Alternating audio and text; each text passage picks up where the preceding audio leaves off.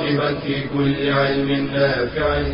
ينمو العلم ويتقدم بتقنياته ومجالاته ومعه نطور أدواتنا في تقديم العلم الشرعي. أكاديمية زاد. زاد أكاديمية ينبوعها. صاف صاف ليروي غلة الظمآن. هذه عقيدتنا الصحيحة فطرة تنفي الشكوك بواضح البرهان. بشرى لنا ذات أكاديمية للعلم كالأزهار في البستان. الحمد لله والصلاة والسلام على رسول الله وعلى آله وصحبه ومن اهتدى بهداه. أرحب بالإخوة والأخوات المشاهدين والمشاهدات وأسأل الله للجميع العلم النافع والعمل الصالح. آه، كان الحديث في المحاضرة السابقة ولا يزال عن مصادر العقيدة وتكلمنا في المحاضرة السابقة عن القرآن الكريم وهو المصدر الأساس الوحي الرباني في تلقي هذه العقيدة. وحديثنا اليوم عن السنة النبوية وقد أشرنا فيما تقدم في المحاضرة السابقة إلى مفهوم السنة وما هو المقصود بالسنة هنا وهو وهي السنة عند المحدثين وهي ما ثبت عن النبي صلى الله عليه وسلم بالنقل الثابت عن النبي صلى الله عليه وسلم من قول أو فعل أو تقرير وسبق أن تكلمنا على هذه الجزئية وأشرنا أيضا إلى ما بين الكتاب والسنة من العلاقة و آه، يعني خطر الفصل بينهما والتفريق بينهما وذكرنا شيئا من هذا الكلام في الموضوع السابق. آه، الله عز وجل هو الذي أمرنا باتباع النبي صلى الله عليه وسلم وبطاعته وبأخذ ديننا منه عليه الصلاة والسلام. بل إنه ما بعث عليه الصلاة والسلام إلا ليبين للناس ما نزل إليهم ولعلهم يحذرون وفي ذلك قول الله عز وجل وما آتاكم الرسول فخذوه وما نهاكم عنه فانتهوا والآيات في الأمر بطاعة الرسول صلى الله عليه وسلم في القرآن أكثر من يعني معروفة وعديدة جدا آه، في قول الله عز وجل وأطيعوا الله ورسوله إن كنتم مؤمنين وغيرها من الآيات. ورسالة النبي صلى الله عليه وسلم كما قلنا إنما هي كانت لبيان ما نزل إلينا من ربنا عز وجل وأنزلنا إليك الذكرى لتبين للناس ما نزل إليهم ولعلهم يتفكرون. وفي هذا يقول النبي صلى الله عليه وسلم محذرا وهذه حقيقة من دلائل نبوته صلى الله عليه وسلم لأنه قد أخبر عن أمر لم يكن فوقع كما أخبر عليه الصلاة والسلام. فذكر ذلك محذرا مما وقع فيه بعض الناس في مخالفتهم لأمر الله تعالى بطاعة الرسول صلى الله عليه وسلم. جاء في الحديث عن أبي رافع رضي الله تعالى عنه قال قال رسول الله صلى الله عليه وسلم لأعرفن الرجل يأتي الأمر يأتيه الأمر من أمري مما أمرت به أو نهيت عنه فيقول ما أدري ما هذا؟ عندنا كتاب الله ليس هذا فيه. هذا الحديث عمدة في الرد على كل من زعم أنه يأخذ من القرآن دون السنة. ومن يسمون بالقرآنيين أو أو غيرهم سموا بهذه التسمية أو لم يسموا لكن النبي صلى الله عليه وسلم في هذا الحديث حذرنا مما وقع وهو أن أنه قد أتى أقوام شككوا في السنة وطعنوا في الاحتجاج بها زعما أنهم لا يأخذون إلا من القرآن وكذبوا لأنهم لو أخذوا بالقرآن لا أخذوا بالسنة لماذا؟ لأن الله أمر أمرا صريحا في القرآن بطاعة الرسول صلى الله عليه وسلم. وبين القرآن على أن الرسول صلى الله عليه وسلم إنما هو مبين للناس ما أنزل الله عز وجل إليهم في القرآن. وتقدم معنا شيء من التعليق في هذه المسألة. لكن الشاهد من هذا الحديث عبارة ما ندري وهو التشكيك في السنة شبهة الذين لا يحتجون بالسنة هو التشكيك فيها. وهذا ما حذرنا منه النبي صلى الله عليه وسلم في هذا الحديث وهو القاسم المشترك بين المبتدعة وهو الطعن والتشكيك في السنة إما في ثبوتها أو في دلالتها. ولذلك حذر الله سبحانه وتعالى من مثل هذا الأمر حينما قال فليحذر الذين يخالفون عن أمره. أمر من؟ أمر الرسول صلى الله عليه وسلم. فليحذر الذين يخالفون عن أمره أن تصيبهم فتنة أو يصيبهم عذاب أليم. فهذا تحذير من مخالفة السنة وعدم الأخذ بها. وقد فسر الإمام أحمد رحمه الله تعالى الفتنة في هذه الآية بالشرك فقال أتدري ما الفتنة؟ الفتنة الشرك. لعله يقع في قلبه شيء من الزيغ فيهلك. وفي هذا الخصوص ونأخذ مثالا واقعيا حيا في حرص السلف الصالح رضي الله تعالى عليهم على تطبيق السنة بحذافيرها وأنه لا مجال للاعتراض عليها أو رد شيء منها. آه، كان هناك يعني شخص أو رجل سأل الإمام مالك رحمه الله تعالى من أين يحرم؟ فقال له الإمام مالك رحمه الله تعالى وهو في المدينة قال من حيث أحرم النبي صلى الله عليه وسلم من ذي الحليفة. قال لكني أريد أن أحرم من المسجد من عند القبر. قال الإمام مالك وهذا هو الفقه والوعي والفهم للعقيدة الصحيحة إني أخشى عليك الفتنة. قال هذا الرجل وهذا بالمقاييس الضعيفة الهشة قال وأي فتنة؟ إنما هي زيادة أو بضعة أمتار أزيدها. قال ألم تسمع إلى قول الله عز وجل فليحذر الذين يخالفون عن أمره أن تصيبهم فتنة أو يصيبهم عذاب أليم. فأنت بهذا قد خالفت أمر النبي صلى الله عليه وسلم وفعل النبي صلى الله عليه وسلم وسنة النبي صلى الله عليه وسلم فيخشى عليك أن تقع في الفتنة التي حذر منها النبي صلى الله عليه وسلم. وجاء أيضا في الحديث الآخر تأكيدا لهذا المعنى وهو حديث المقدام بن مهدي كرب الكندي قال قال رسول الله صلى الله عليه وسلم ألا إني أوتيت القرآن ومثله معه. وهذا تأكيد على أن السنة وحي من عند الله سبحانه وتعالى وقد قطع القرآن وأكد الله سبحانه وتعالى ذلك بقوله وما ينطق عن الهوى إن هو إلا وحي يوحى. قال ألا إني أوتيت القرآن ومثله معه ألا إني أوتيت القرآن ومثله معه. وجاء في حديث العرباض بن سارية رضي الله تعالى عنه في التأكيد على الالتزام بسنة النبي صلى الله عليه وسلم. قال في الحديث المشهور الطويل قال فعليكم بسنتي وسنة الخلفاء الراشدين المهديين من بعد تمسكوا بها وعضوا عليها بالنواجذ. وهذا الحديث عمدة حقيقة في جانب التأكيد على توحيد المصدر مصدر العقيدة وأن لا يؤخذ إلا من الوحي بشقيه من الكتاب والسنة. وهذا الحديث له مهم جدا أن نقف معه ونلقي الضوء على بعض فوائده والجوانب. هذا الحديث ذكر العرباض بن سارية رحمه الله رضي الله تعالى عنه وأرضاه أن النبي صلى الله عليه وسلم صلى بهم ذات يوم ثم أقبل عليهم فوعظهم بموعظة وجلت منها القلوب وذرفت منها العيون فقلنا يا رسول الله كأنها موعظة مودع فأوصنا. أو فماذا تعهد إلينا؟ فقال صلى الله عليه وسلم وهو الرؤوف الرحيم بأمته عليه الصلاة والسلام قال أوصيكم بتقوى الله عز وجل. وهذه الوصية الأولى. وهي وصية الله تعالى للأولين والآخرين. ولقد وصينا الذين أوتوا الكتاب من قبلكم وإياكم أن اتقوا الله. قال أوصيكم بتقوى الله عز وجل. والسمع والطاعة وإن عبدا حبشيا. قال فإنه من يعش منكم فسيرى اختلافا كثيرا فعليكم بسنتي وسنة الخلفاء الراشدين من بعدي عضوا عليها بالنواجذ وإياكم ومحدثات الأمور. فاصل أيها الإخوة والأخوات ثم نعود لاستكمال الحديث إن شاء الله. والسلام عليكم ورحمة الله وبركاته. بشرى لنا أكاديمية للعلم كالأزهار في البستان.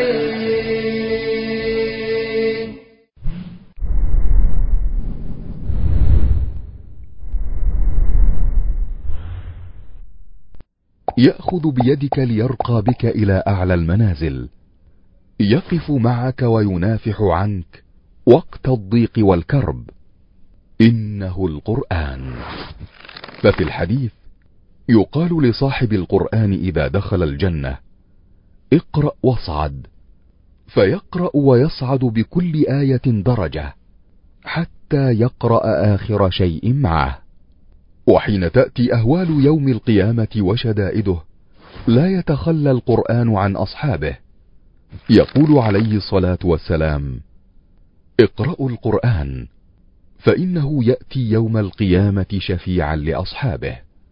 بل إن القرآن ينفع صاحبه بكل حرف منه. إن القرآن يرفعك وينفعك في الدنيا والآخرة. وفي الحديث من قرأ حرفا من كتاب الله فله به حسنة والحسنة بعشر أمثالها. لذلك استحق صاحب القرآن أن يغبط عليه. قال النبي صلى الله عليه وسلم لا حسد إلا في اثنتين. رجل آتاه الله القرآن فهو يقوم به آناء الليل وآناء النهار. ورجل آتاه الله مالا فهو ينفقه آناء الليل وآناء النهار. فكن مع هذا الصاحب الوفي وعش في رحابه فأنت في صفقة رابحة وتجارة لن تبور. إن الذين يتلون كتاب الله وأقاموا الصلاة وأنفقوا مما وأنفقوا مما رزقناهم سرا وعلانية يرجون تجارة لن تبور.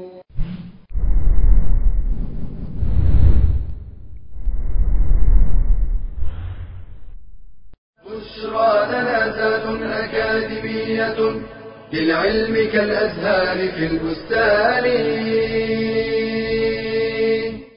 الحمد لله نكرر الترحيب. آه كنا نتحدث عن حديث آه العرباض بن سارية وهو حديث عظيم جدا.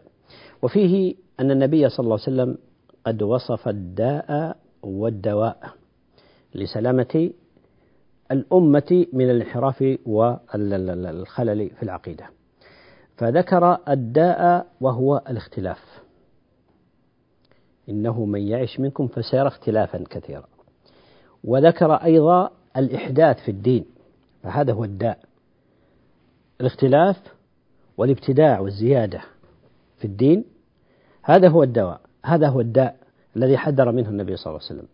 ما هو الدواء؟ بينه النبي صلى الله عليه وسلم في هذا الحديث. فعليكم بسنتي وسنة الخلفاء الراشدين من بعدي. وهذا هو الدواء.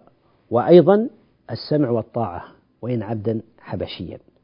فالسمع والطاعة مقابل داء الاختلاف والفرقة والتناحر والتطاحن. واستمساك بالسنة سنة النبي صلى الله عليه وسلم وسنة الخلفاء الراشدين من بعده لمعالجة داء الإحداث في الدين والبدعة. ثم بين هذا الدواء عليه الصلاة والسلام وبين أنه هو المنجي بإذن الله عز وجل. إذا هذا الحديث الذي بين أيدينا وهو حديث الإعراض بن سارية وقول النبي صلى الله عليه وسلم فعليكم بسنتي وسنة الخلفاء الراشدين من بعدي. فيه من فقهه أولا وصية النبي صلى الله عليه وسلم لنا بتقوى الله عز وجل وهو وصية الله الأولين والآخرين. وفيه الوصية بالسمع والطاعة ولو كان المولى لو كان عبدا حبشيا. يعني لما يترتب على ذلك من معالجة الاختلاف والفرقة الداء. ثم إخباره صلى الله عليه وسلم أو وصفه صلى الله عليه وسلم أو إخباره بما سيكون من الاختلاف ووصفه بالالتزام بسنته عليه الصلاة والسلام وسنة الخلفاء الراشدين من بعده ثم تأكيد هذا الالتزام بعدة مؤكدات. أولا فعليكم بسنتي. عليكم أي الزموا سنتي وسنة الخلفاء الراشدين من بعدي. لماذا؟ لأنهم على سنته صلى الله عليه وسلم مقتفون لأثره لم يحيدوا عنها قيد أنملة فعليكم بسنتي وسنة الخلفاء الراشدين من بعدي أكد ذلك بقوله عليه الصلاة والسلام تمسكوا بها. وهذا أمر منه عليه الصلاة والسلام بالاستمساك. وقد يعني جاء التأكيد على هذا الاستمساك بهذه السنة. تمسكوا بها وعضوا عليها بالنواجد أي بالأضراس يعني من شدة الاستمساك أن الإنسان يعض عليها حتى لا ينفلت منها أو ينفلت عنها أو يغيب عنها. وعضوا عليها بالنواجد ثم قال وإياكم ومحدثات الأمور وهو التحذير مما يخالف السنة والإشارة إلى داء البدعة وأن علاجها إنما هو الاستمساك بالسنة. مما يدل على وجوب أخذ العقيدة من السنة كما تؤخذ من الكتاب الإجماع. وقد دل الإجماع أيضا على حجية السنة النبوية ولهذا يقول الإمام الشافعي رحمه الله تعالى لا أعلم من الصحابة ولا من التابعين أحدا أخبر عن رسول الله صلى الله عليه وسلم إلا قبل خبره وانتهى إليه ولم يعترض على ذلك. ما طعن في ذلك وإنما التسليم والقبول والانقياد كما سيأتي التفصيل في ذلك إن شاء الله فيما سيأتي من المحاضرات. فإذا الخلاصة أن مصدر العقيدة المنجية للعبد هي هو الوحي المعصوم كتابا وسنة وهو طريق النجاة وهو أقوم الطرق التي لا ترى فيها عوجا ولا أمتا قال الله تعالى إن هذا القرآن يهدي للتي هي أقوم. أقوم في كل شيء وأن هذا صراطي مستقيما فاتبعوه ولا تتبعوا السبل فتفرق بكم عن سبيله. ذلكم ذلكم وصاكم به لعلكم تتقون. يقول الزهري كان من مضى من علمائنا يقولون الاعتصام بالسنة نجاح. وروي عن مالك رحمه الله قال السنة سفينة نوح من ركبها نجا ومن تخلف عنها غرق والمصدر الثالث من مصادر العقيدة هو الإجماع وهو إجماع السلف الصالح. وإذا أطلق اسم السلف الصالح فإنه آه، يطلق على عدة معاني. والإجماع قبل أن نتكلم عن السلف الصالح أو نحيل الإجماع السلف الصالح هم جماعة الجماعة المتقدمون. يقال سلف ويسلف أي إذا مضى. وسلف الإنسان آباؤه المتقدمون.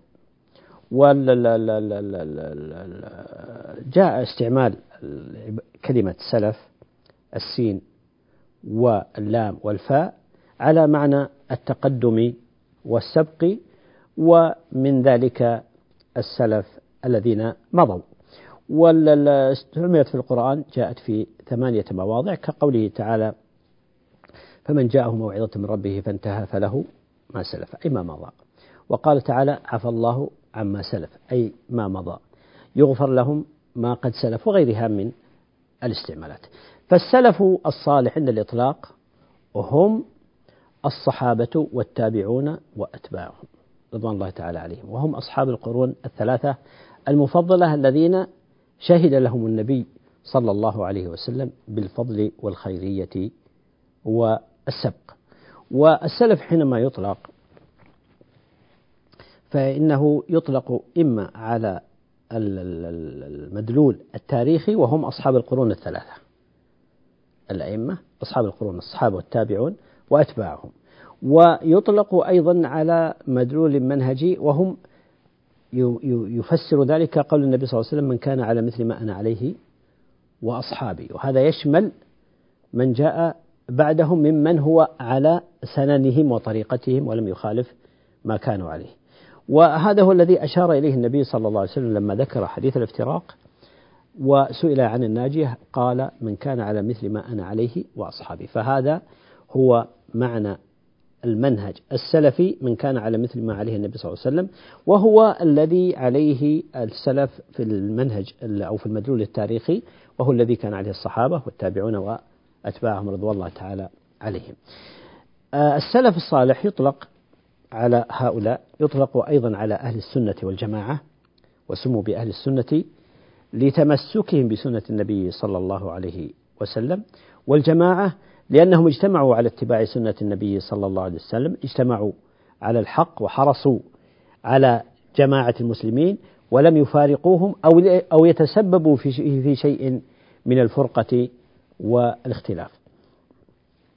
يسمون أيضا بالفرقة الناجية وسموا بذلك لأن الله وعد بنجاتهم من النار أو من الفتن كما جاء لتمسكهم بالسنة النبوية كما جاء في حديث آه، معاوية بن أبي سفيان رضي الله تعالى عنه قال قال رسول الله صلى الله عليه وسلم إن أهل الكتابين افترقوا في دينهم على ثنتين وسبعين ملة وإن هذه الأمة ستفترق على ثلاث وسبعين ملة على ثلاث وسبعين ملة كلها يعني الأهواء كلها في النار إلا واحدة. فسئل عنها فقال الجماعة فهي الناجية من الثلاث والسبعين فرقة الهالكة التي أشار إلى هلاكها النبي صلى الله عليه وسلم أي أنها متوعدة بالنار ولا يعني ذلك أنها كلها أنهم جميعا يخلدون في النار؟ لا وإنما هي متوعدة بالنار للبدع التي وقعوا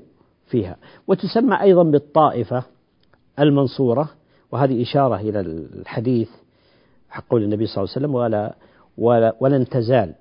طائفة من أمتي منصورين لا يضرهم من خذلهم ولا من خالفهم حتى يأتي أمر الله وهم كذلك حتى تقوم الساعة كما جاء في الرواية الأخرى.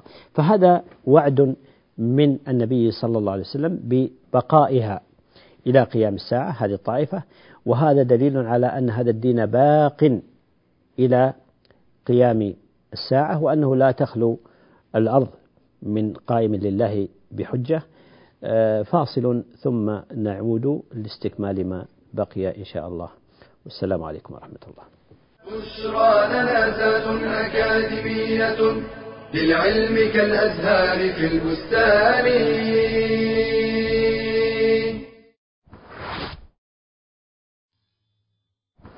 هل أنت حريص على تصحيح عباداتك؟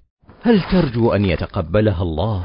اطلب العلم إذ لا تصح العبادة إلا به قال تعالى فاعلم أنه لا إله إلا الله واستغفر لذنبك وللمؤمنين والمؤمنات. وشرط قبول طلب العلم.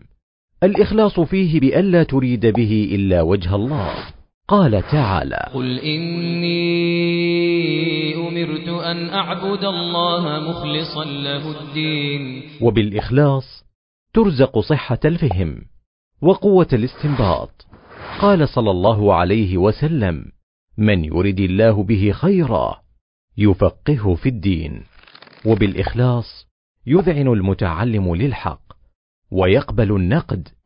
قال الذهبي علامة المخلص أنه إذا عوتب لا يبرئ نفسه بل يعترف ويقول رحم الله من أهدى إلي عيوبي. ويجب أن يتوفر الإخلاص في التعلم والتعليم والتأليف. قال أبو داود الطيالسي ينبغي للعالم إذا حرر كتابه أن يكون قصده بذلك. نصرة الدين لا مدحه بين الأقران لحسن التأليف. فأخلص النية واحذر من فسادها. كطلب العلم لأجل المال والثروة أو الجاه والشهرة أو المراء والجدل. فإن ذلك يفسد العمل. قال تعالى وقدمنا إلى ما عملوا من عمل فجعلناه هباء منثورا. بشرى لنا أكاديمية للعلم كالأزهار في البستان. الحمد لله. نكرر الترحيب بعد هذا الفاصل. ونؤكد على أن أشرنا إلى أن السلف الصالح يطلق على أصحاب القرون الثلاثة المفضلة الصحابة رضي الله تعالى عليهم والتابعون لهم بإحسان وتابع التابعين. ول السلف عدة إطلاقات منها أهل السنة والجماعة وهذه مستمرة إلى قيام الساعة ومنها الفرقة الناجية إشارة إلى النبي صلى الله عليه وسلم إلى ما ذكره النبي صلى الله عليه وسلم من حديث الافتراق وأن الفرق هذه الأمة هالكة إلا واحدة وهي الناجية من هذه الفرق والطائفة المنصورة وهو ما وعد به النبي صلى الله عليه وسلم من أن أنه لن تزال طائفة من هذه الأمة منصور. باقية. منصورة لا يضرهم من خالفهم وظاهرة لا يضر خالفهم ولا من خذلهم إلى أن يأتي أمر الله وهم كذلك. هذه أيضا يعني تعطينا النقطة الأخيرة هذه تعطينا أولا بقاء هذا الدين إلى قيام الساعة ولله الحمد والأمر الثاني أن هذه الطائفة لا لا تزال وتبقى ظاهرة ومنصورة بقيام الحجة. لا يلزم من ذلك النصر بالسلاح والقوة والهيمنة وإنما بقيام الحجة وإلا لا وإلا فنحن نعلم أن سنة الله عز وجل في خلقه أنه كما قال عز وجل وتلك الأيام نداولها بين الناس أن الله عز وجل لحكم يعلمها قد يديل الأعداء في بعض الأحيان على المسلمين لحكم يعلمها سبحانه وتعالى. لكن هذه الأمة ظاهرة ومنصورة بالحجة والبيان إن لم يكن ما بالسيف والسنان.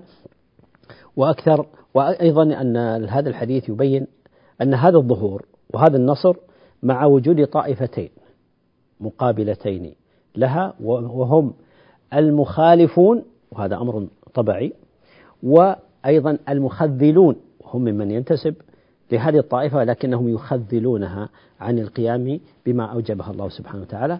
ومع ذلك فقد وعدنا النبي صلى الله عليه وسلم بأن هؤلاء لن يضروا هذه الطائفة لا بخذلانهم ولا بمخالفتهم آه هذه يعني الإشارة إلى أن الكلام على حجية الإجماع وأن الإجماع هو المصدر الثالث من مصادر هذه العقيدة والإجماع هو حجة شرعية بل حجة معصومة لقول النبي صلى الله عليه وسلم لا تجتمع أمتي على ضلالة. والإجماع هو اتفاق مجتهدي آه، أمة محمد صلى الله عليه وسلم بعد وفاته على أمر من الأمور والإجماع مبني على النصوص والطعن فيه هو طعن في النصوص ومخالفة الإجماع يعظم خطرها إذ على الإجماع ابتنيت معظم الشريعة وأصول الشريعة. والإجماع منه ما هو قطعي كإجماع الصحابة رضي الله تعالى عليهم والسلف وهو المقصود هنا بأنه أحد مصادر عقيدة السلف هو إجماع الصحابة إجماع السلف الذي وهو الإجماع الذي ينضبط. أما من بعدهم فدعوى الإجماع يصعب ضبطها. وهذا ما يسمى بالإجماع الظني كالإجماع السكوتي وهو حجة شرعية إذا ثبت لكنه دون الأول. المقصود هنا أن الإجماع هو أحد المصادر العقيدة وهو قائم على النصوص كما أشرنا إليه.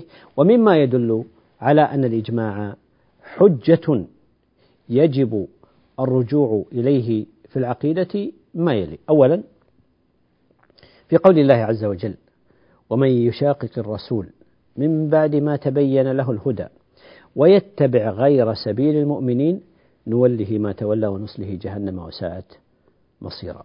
ويتبع الشاهد من هذه الآية ويتبع غير سبيل المؤمنين أن يخالفوا سبيلهم وإجماعهم وما هم عليه. فكل من خالف ما عليه الصحابة رضي الله تعالى عليهم والتابعين فقد خالف إجماعهم. ولذلك دل على أن ما عليه ما عليه الصحابة والتابعون هذا هو مما يجب الرجوع إليه والاقتداء بهم في هذا الأمر. ويؤكد على ذلك ما مر معنا في حديث العرباط بن سارية رضي الله تعالى عنه المتقدم في حينما قال فمن أدرك ذلك يعني اختلاف فإنه من من يعش منكم فسيرى اختلافا كثيرا. فمن أدرك الاختلاف قال فمن أدرك ذلك منكم فعليه بسنتي وسنة الخلفاء الراشدين المهديين عضوا عليها بالنواجذ.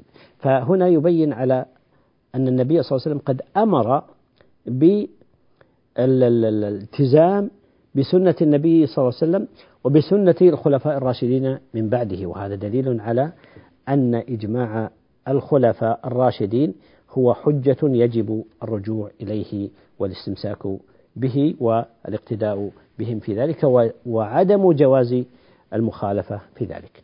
كذلك مما يدل على حجية الإجماع وأنه يعني يرجع إليه في تقرير العقائد أن الإجماع كما قلنا هو حجة معصومة. دل على ذلك حديث النبي صلى الله عليه وسلم كما ورد عن ابن عمر رضي الله تعالى عنهما أن رسول الله صلى الله عليه وسلم قال إن الله لا يجمع أمتي أو قال أمة محمد صل لا يجمع أمتي أو قال آه، أمة محمد صلى الله عليه وسلم على ضلالة ويد الله مع الجماعة. وهنا قد يرد سؤالا مهما. هل العقل من مصادر العقيدة أو لا؟ ولا شك أن العقل يمكن أن يدرك بعض مقررات العقيدة مثل وجود الله عز وجل ومثل إثبات النبوة صدق النبي صلى الله عليه وسلم وغير ذلك من المسائل. لكن لا يمكن أن يستقل بمعرفة وتفصيلات وجزئيات العقيدة لأن العقيدة غيب لا سبيل إلى الوصول إليه إلا عن طريق الوحي إلا عن طريق آه، الوحي.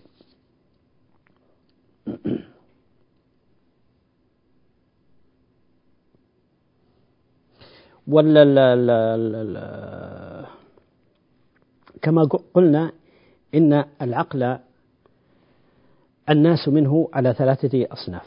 أنحاء. هناك من قدس العقل وجعله فوق منزلته وجعله مقدما حتى على الوحي المعصوم. وهناك في المقابل من اطرح العقل ودلالة العقل ولم يلتفت إليه وازدراه ولم يعني يلتفت إليه. البتة كما هي عند بعض الطوائف من الصوفية أو غيرهم من الناس.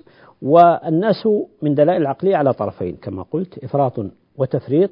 وبين هؤلاء وأولئك المنهج السلفي الوسطي المعتدل الذي يمثل وسطية هذا الدين الإسلام واعتداله.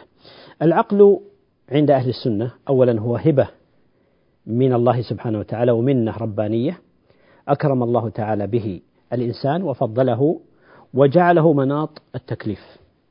والأمر الثاني هو كما قال الإمام الشافعي رحمه الله تعالى العقل هو آلة التمييز وهو آلة العلم وميزانه الذي يعرف به الصحيح من سقيمة. وكذلك أيضا عند أهل السنة العقل هو جزء من الإنسان المخلوق. ولذا فإن المعرفة الناتجة عن الخلق عن العقل تبقى دون العلم المستقى من الوحي.